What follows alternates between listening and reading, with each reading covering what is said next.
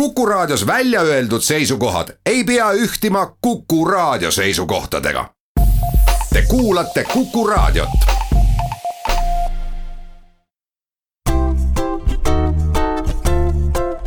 patsiendiminutid, Patsiendiminutid toob teieni Eesti Patsientide Liit. tere hommikust, hea Kuku kuulaja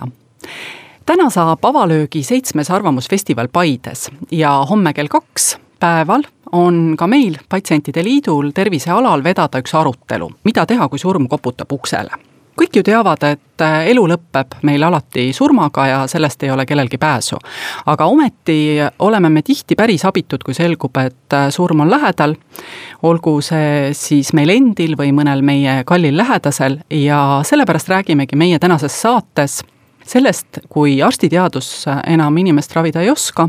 mis siis edasi saab ja minuga koos on stuudios Põhja-Eesti Regionaalhaigla palliatiivravikeskuse juhataja, doktor Pille Sillaste. tere tulemast saatesse! tervist! kui inimeselt küsida, mida tähendab palliatiivravi, siis tihti palutakse küsimust korrata ja väga harva tegelikult osatakse selgitada, mis asi see palliatiivravi on.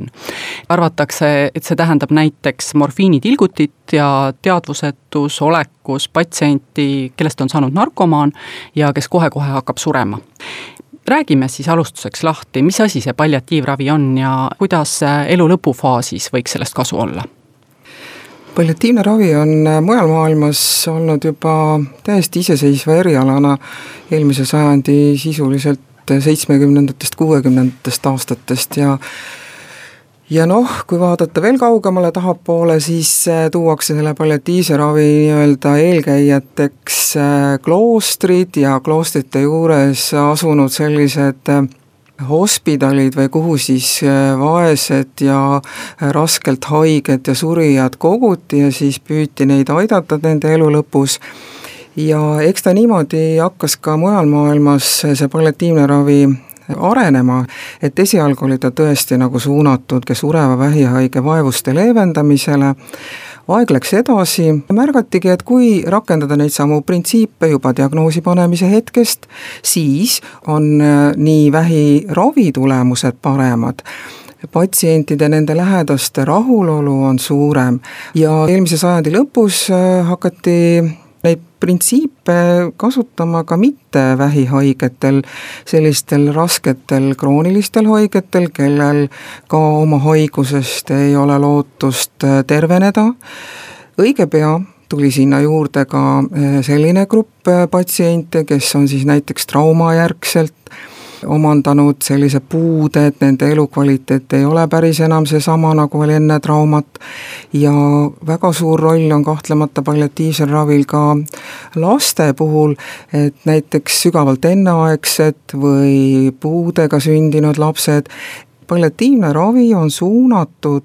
patsiendi ja tema lähedaste just nimelt elukvaliteedi parandamisele. et see ei ravi otseselt mingit seda haigust, mis seda halba seisundit või rasket seisundit on haigel põhjustanud, vaid kõike seda, mis moodustab selle haige kui terviku, tema eh, füüsiliste vaevuste leevendamist, tema hingeliste vaevuste, jõudumööda sotsiaalsete probleemide osas nõu andmist, seega puhtalt suunatud elukvaliteedi parandamisele no kuidas sa ise palliatiivravi juurde jõudsid, et sa oled ju õppinud anestesioloogiks, kui ma ei eksi.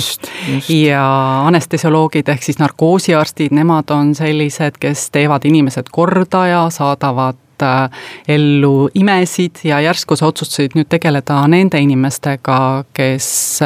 enam väga palju lootust äh, ei oma?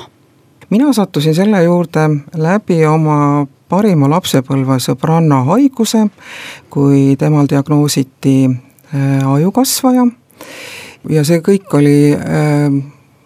väga lühikese haigeks olemine, sisuliselt oli see üheksa-kümme kuud esimesest diagnoosimise hetkest äh, kuni matusteni, seal vahepeal oli siis kaks ajuoperatsiooni pluss muu vähivastane ravi ja tema kindel lõpusoov oli see, et kui öeldi, et nüüd enam midagi teha ei ole, et tema tahab kindlasti surra kodus. Ja tal olid väga tugevad peavalud ja, ja mina mõtlesin, et noh, mina olen ju anestesioloog, eks ju, ja et kes siis veel oskab valu ravida, kui mitte anestesioloog aga oh üllatust, see maailm oli ikka täiesti teistsugune teistmoodi ja tol hetkel ei olnud ka Eestis väga kellegi käest nõu küsida. ja me püüdsime siis, kuna mu abikaasa on ka intensiivraviarst, siis me püüdsime tema viimast soovi täita ja ta sai lõpuni kodus olla ja peaaegu kaks nädalat enne surma ta enam ei saanud neelata, ta ei saanud rääkida, aga ta silmadega meil oli ainult see kontakt ja me püüdsime siis nii-öelda oma tarkuse põhjal, niisuguse loogika põhjal siis teda toetada, seal tilgutada, teha valuvaigisteid ja nüüd, kus mul on sellest möödas sisuliselt üheksateist aastat, siis praeguse kogemuse põhjal noh, ma ütleks talle, et äh, kahju, et ma ei saanud sind aidata nii, nagu ma praegu oskaks sind aidata ma saan su jutust aru, et äh, tegelikult siis selle elulõpuravi ja õenduse abi vahele päris võrdusmärki panna ei saa. aga kui me meenutame, aasta alguses oli ju meedias arutelu ja, ja vaidlused õendusabilepingutega, kus Diakonia haigla, kes pakub sellist elulõpuravi teenust, jäi Haigekassa lepingust ilma. ja siis kommenteeris Haigekassa juhatus äh, olukorda nii, et Eestis on hospiitsravi kõigile tagatud. ja pidas silmas õendusabilepinguid hooldushaiglas. kuidas sa kommenteerid, et kas see õendusabi siis ikkagi ei ole hospiitsabi? Ei ole hospiitsabi. ma olen ka osalenud nendel vestlustel ja seal oli isegi selleks äh, põhjenduseks, et meil ju sureb haigeid igal pool, sureb kodus, haiglates, vanadekodudes, et need kõik nagu sisuliselt oleks ka nagu hospiitsid. kahtlemata inimene saab surra igal pool, aga see suremine ei ole nii imekaunis, äh, nagu me näeme seda filmides. tänapäeva inimeste arusaam surmast ja suremisest baseerub Ameerika ja Mehhiko Mehhiko ja ma ei tea, missugustel filmidel, kus surija lamab kaunitel patjadel, on imekaunis soenguga ja ja siis ütleb oma viimase saatusliku lause, kellel ta pärandab oma maja ja, ja siis see käsi vajub jõuetult üle voodiserva. minu üllatuseks isegi ma näen oma kolleege, kohtan kolleege, kes noh, kes pole elus näinud, kuidas suremine käib, suremine on pikk protsess, see ei ole see üks hetk, et Äh, see võib kesta nädalaid. inimese organism sureb pisitasa. põhiline, millega me kokku puutumegi, ongi see, kus lähedased ei saa aru, miks ta ei söö. ta ju sureb nälga. väga raske haige, kes on juba oma haiguse lõppstaadiumis, mitte tema ei sure nälga, vaid tema surev keha ei võta enam sööki vastu see söömise, söötmise läbi oma armastuse väljendamine on üks osa meie kultuurist. nii raske on öelda, ma armastan sind, ma hoolin sind, aga selle eest ma toon sulle kottide viisi süüa. ja, ja kui sa siis ei söö, siis see on natukene nagu solvamine, kuigi inimene ei suuda süüa, kui ta on nii raskelt haige seal võib olla äh, seal elu lõpus äh, valud, mis võivad äh, oluliselt järsult hakata tugevnema, aga võib-olla ka täiesti üldse valusid ei ole, võib-olla on õhupuudus, mis süveneb kiiresti. võib-olla on see surmahirm ja ärevus. mujal maailmas on sellised otsused vastu võetud surevatel haigetel, peab olema võimalus, et vaadatakse näiteks raviskeemid üle iga kahekümne nelja tunni tagant, see tähendab, et seisund muutub nii ruttu, et keegi peab seda kõike kogu aeg korrigeerima. kahjuks ei saa seda teha õed sellepärast et juba, kui me räägime ainuüksi näiteks valuvaigistitest, eh, siis eh, tihti sageli need valud on nii tugevad, et seal elu lõpus tuleb kindlasti appi võtta ka tugevad narkootilised valuvaigistid, siis mitte kusagil maailmas ei ole õdedel õigust neid määrata ja see näitab seda, et äh, päris nii ikka ei ole, et ükskõik, kus see haige sureb, et seal kohe ongi hospiits no nii ta kipub olema ja see oli ka üks väga suuri põhjuseid, miks äh, Patsientide Liit otsustas Arvamusfestivalil seekord äh, hospiitsi ja elulõpu abi teemadel rääkida. aga teeme siinkohal väikese pausi, mõne hetke pärast oleme tagasi ja jätkame juttu elulõpu abist. patsiendiminutid. patsiendiminutid toob teieni Eesti Patsientide Liit stuudios on doktor Pille Sillaste ja Kadri Tammepuu me räägime täna elulõpu abist ja saate esimeses pooles püüdsime natukene avada, mida see hospiits tähendab, jõudsime sinnani, et õendusabi ei ole päris seesama, mis elulõpuabi no inimesed on väga paljud sellest aru saanud. Ja kevadel, sel kevadel juhtus ju üks lugu veel, mis äh, pani endast palju rääkima, oli siis Jane Paberiti lugu, kus Jane otsustas elust lahkuda, sellepärast et tema arvates oleks olnud tema tulevik tume, kui ta oleks jäänud lootma sellele, et oma lihashaigusega, kui ta jääb halvatuks, äh, tema kannatused oleksid äh, võimalikult ära hoitud ja ta ei jääks kuidagi kellelegi koormaks oli ühelt poolt nii neid, kes äh, seda Jane tegu heaks ei kiitnud, aga teiselt poolt oli neid, kes elasid väga sellele vaprale naisele kaasa. kuidas meedikute suhtumisega oli, et kas arstid-õed pigem toetasid äh, Jane otsust või mitte, et ta otsustas elust lahkuda? No ma saan jah, iseenda arvamust öelda ja, ja sellise väikese lähikondlaste arvamust öelda, siis et minu sügav kummardus Jane ees, et ta võttis selle, nagu ta ütles, oma viimaseks tööks, tänu temale. See teema tõstatus, see teema on tõstetud lauale, sellest räägitakse ja kogu selle draama juures, selle hingevalu juures, ega siis vaatamata sellele, et ta sai aru, et, et see prognoos on väga halb, no kes see meist tahab surra, keegi ei taha surra. Ja see on noh, lihtsalt ma ei oska isegi sõnades seda väljendada, missugune respekt mul tema suhtes on. Ja professionaalselt ka tõesti, ma olen väga tänulik, et see teema jõudis äh, suure avalikkuse ja kõlapinnaga äh, kõikide inimeste ette Eestis. mina isiklikult äh, pooldan eutanaasiat, sest paraku eh, ka nüüd juba omades päris, eh, võib öelda, päris pikka kogemust palliatiivravi alal ja olles ka intensiivraviarst või anestesioloog, siis ikkagi on hetki, kui me ei suuda ka neid äh, meeletuid surmaeelseid vaevusi piisavalt hästi leevendada. aga äh, Eesti kontekstis samas niimoodi vaadates puhtpraktiliselt, siis meil on ikka ka palliatiivravi osas veel nii palju teha, et praegu oma vastuvõttudel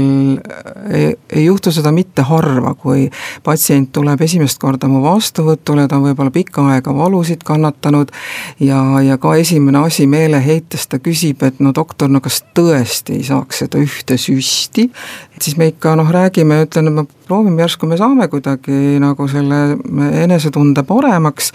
Ja kui on õnnestunud see ja reeglina ikka vähemalt natukenegi õnnestub seda seisundit leevendada, 그래서 ütlen patuga pooleks, et mõne patsiendiga, kellega on väga hea kontakt tekkinud, olen ma isegi mõnikord küsinud, et kas te mäletate, mida te oma esimesel vastuvõtul minu käest küsisite, siis ei, ei, see ei ole enam teema. kui ma olen käinud, käinud äh, külas Hollandi kolleegidel, eks ju, kus on eutanaasia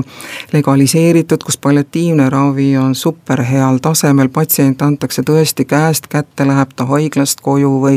või, või läheb ta hospiitsi ja ta kogu aeg tunneb tunneb, et tal on igakülgne tugi olemas no see hästi robustne äh, kalkulatsioon on selline, et sada haiget esitab taotluse saada seda eutanaasia luba, kümnele antakse, sisuliselt üks kasutab. aga seal on võib-olla tõesti ka veel see oluline, et sa, see teadmine, et vot kui ma enam tõesti kohe kuidagi ei jõua ja ma ei taha, siis mul on ka see valikuvõimalus. on ka minu käest küsitud, et, et no kas sa siis oleksid valmis seda ise ka tegema. vot seda ma tahaks teada, kes seda teeb, mina küll ei ole valmis tegema. no järelikult äh, selline käepärasem võimalus on tõepoolest arendada elulõpuabi ja hospiitsteenust, aga tihti lähedastega võib äh, olla isegi keerukam rääkida kui patsiendi endaga. hiljuti oli mul üks jutuajamine, kus äh, üks mu tuttav kurtis, et et äh, haiglas teati küll, et äh, patsient sureb loetud tundidega, aga tütrele sellest teada ei antud ja see tütar oli väga õnnetu pärast. ja naine küsis mu käest tookord, et äh, kas haiglates ei ole sellist üldist reeglit, kuidas sellel puhul toimida, kui on teada, et patsient väga kaua enam ei ela kahjuks ei ole jah neid reegleid ja eks sealt tulebki seesama, see on see inimese kui terviku käsitluse see vajakajäämine meie Eesti meditsiinis. ma saan kolleegidest ka väga hästi aru, sellepärast et sa oled ikka arstina, sa tahaksid aidata ja kui sa tunned, et sa ei saa aidata, siis sa tunned teatud mõttes ennast nagu läbikukkununa ja siis sa tahaks nagu kuidagi ennast ära peita ja, ja, ja, ja kuidagi nagu seda endast eemale tõugata, aga samas see on jälle oluline hetk nii haigele kui ka tema lähedastele oma haiglas näiteks, kui sellisest haigest meile palliatiivravikeskusesse teatatakse, siis esimene asi, mis me küsime, on kas lähedastega on räägitud, kas lähedased teavad, et olukord on selline. kui ei ole, siis me püüame kohe võimalikult kiiresti leida lähedased, kutsuda nad haiglasse, sest seda juttu kindlasti telefoni teel rääkida ei tohiks. ja, ja kõige parem oleks see, kui toimuks kõik koos, et haige ka seal juures on sageli need perejutud on olnud sellised, kus meie oleme teatud mõttes kas nagu sillaks või tõlgiks selle pere ja haige vahel. perekond ei julge ju rääkida otse äh, haigega sellest, mis toimub ja haige püüab säästa oma lähedasi kõik on nagu vaprad, kõik nagu naeratavad, aga sees on kõigil nii valus ja jutud on rääkimata. mõnikord on niimoodi, et, et lähedased on sellised, et kuidas ei saa aidata, tehke midagi, kogu aeg käib nagu mingi action, nad on ründavad, nad nõuavad, samas vaatad seda patsienti seal ja kes on anuva pilguga, et jumala eest, laske mul palun olla. ja siis ongi see koht, kus me siis peame ütlema, et nüüd stopp, et võib-olla teil on võimalik oma emaga veel äh, lihtsalt olla, küsige kõigepealt haige käest, mida tema tahab muide, ma lugesin hiljuti ühest raamatust, mida ma tean, et ka paljud arstid hindavad, pealkiri on selle Surelikkus. raamatus oli kirjas juhtum, kus äh, üks ravikindlustusfirma pakkus oma kundedele, e, kes hakkasid siis peatselt surema, et äh, nad saavad kasutada kõiki raviteenuseid, mida siiani, aga lisaks äh, siis ka hospiits- ja palliatiivravi ja siis samas jälgisid neid gruppe, siis ühed patsiendid, kes kasutasid lisavõimalusi, teised, kes ei kasutanud ja need, kes said kasutada palliatiivravi, ravi äh, nende hulgas äh, tegelikult tuli lõpuks välja, oli hospitaliseerimisi vähem ja kui ka need inimesed intensiivravipalatisse sattusid, siis said nad sealt kiiremini välja. ehk tegelikult ka süsteem võitis rahaliselt. kui me nüüd rahast ikkagi natuke räägime, et kas äh, palliatiivravi on siis nii palju kallis või nii palju kallim, kui me seda Eestis ühtlaselt juurutaksime? vastupidi Eestis ei ole neid ju arvutusi muidugi tehtud, kuna meil polegi seda palliatiivset ravi niimoodi, aga mujal maailmas on ju tehtud, Inglismaal on väga palju tehtud, Ameerikas on väga palju väga,, väga-väga palju kaalukaid uuringuid, mis näitavad meeletut kokkuhoidu ja patsientide suuremat rahulolu lähedaste suuremat rahulolu, nüüd võib inimestel kindlasti tekkida kohe see mõte, et hakkame nüüd palliatiivset ravi arendama, et hoiaks äh, äh, raskelt haigete pealt kokku, ei vastupidi. Äh, seal on ikkagi kõik selles suunas, et haigel oleks parem. Ja, ja ega siis see, kui ta satub nädalas kaks-kolm korda EMO-sse kiirabiga, jälle uued torkimised, uuringud, jälle uus arst, räägi jälle oma lugu otsast peale. Ja see on niisugune ainult üks lõputu haige vintsutamine eks me siis homme oma nende juttudega jätkame, tänaseks peame me kahjuks otsad kokku tõmbama, suur aitäh, doktor Pille Sillaste, Põhja-Eesti Regionaalhaigla palliatiivravikeskuse juhataja, et sa täna saatesse tulid. kohtume Patsiendiminutite saates juba järgmisel nädalal, nii et seniks olgem terved, kõike head!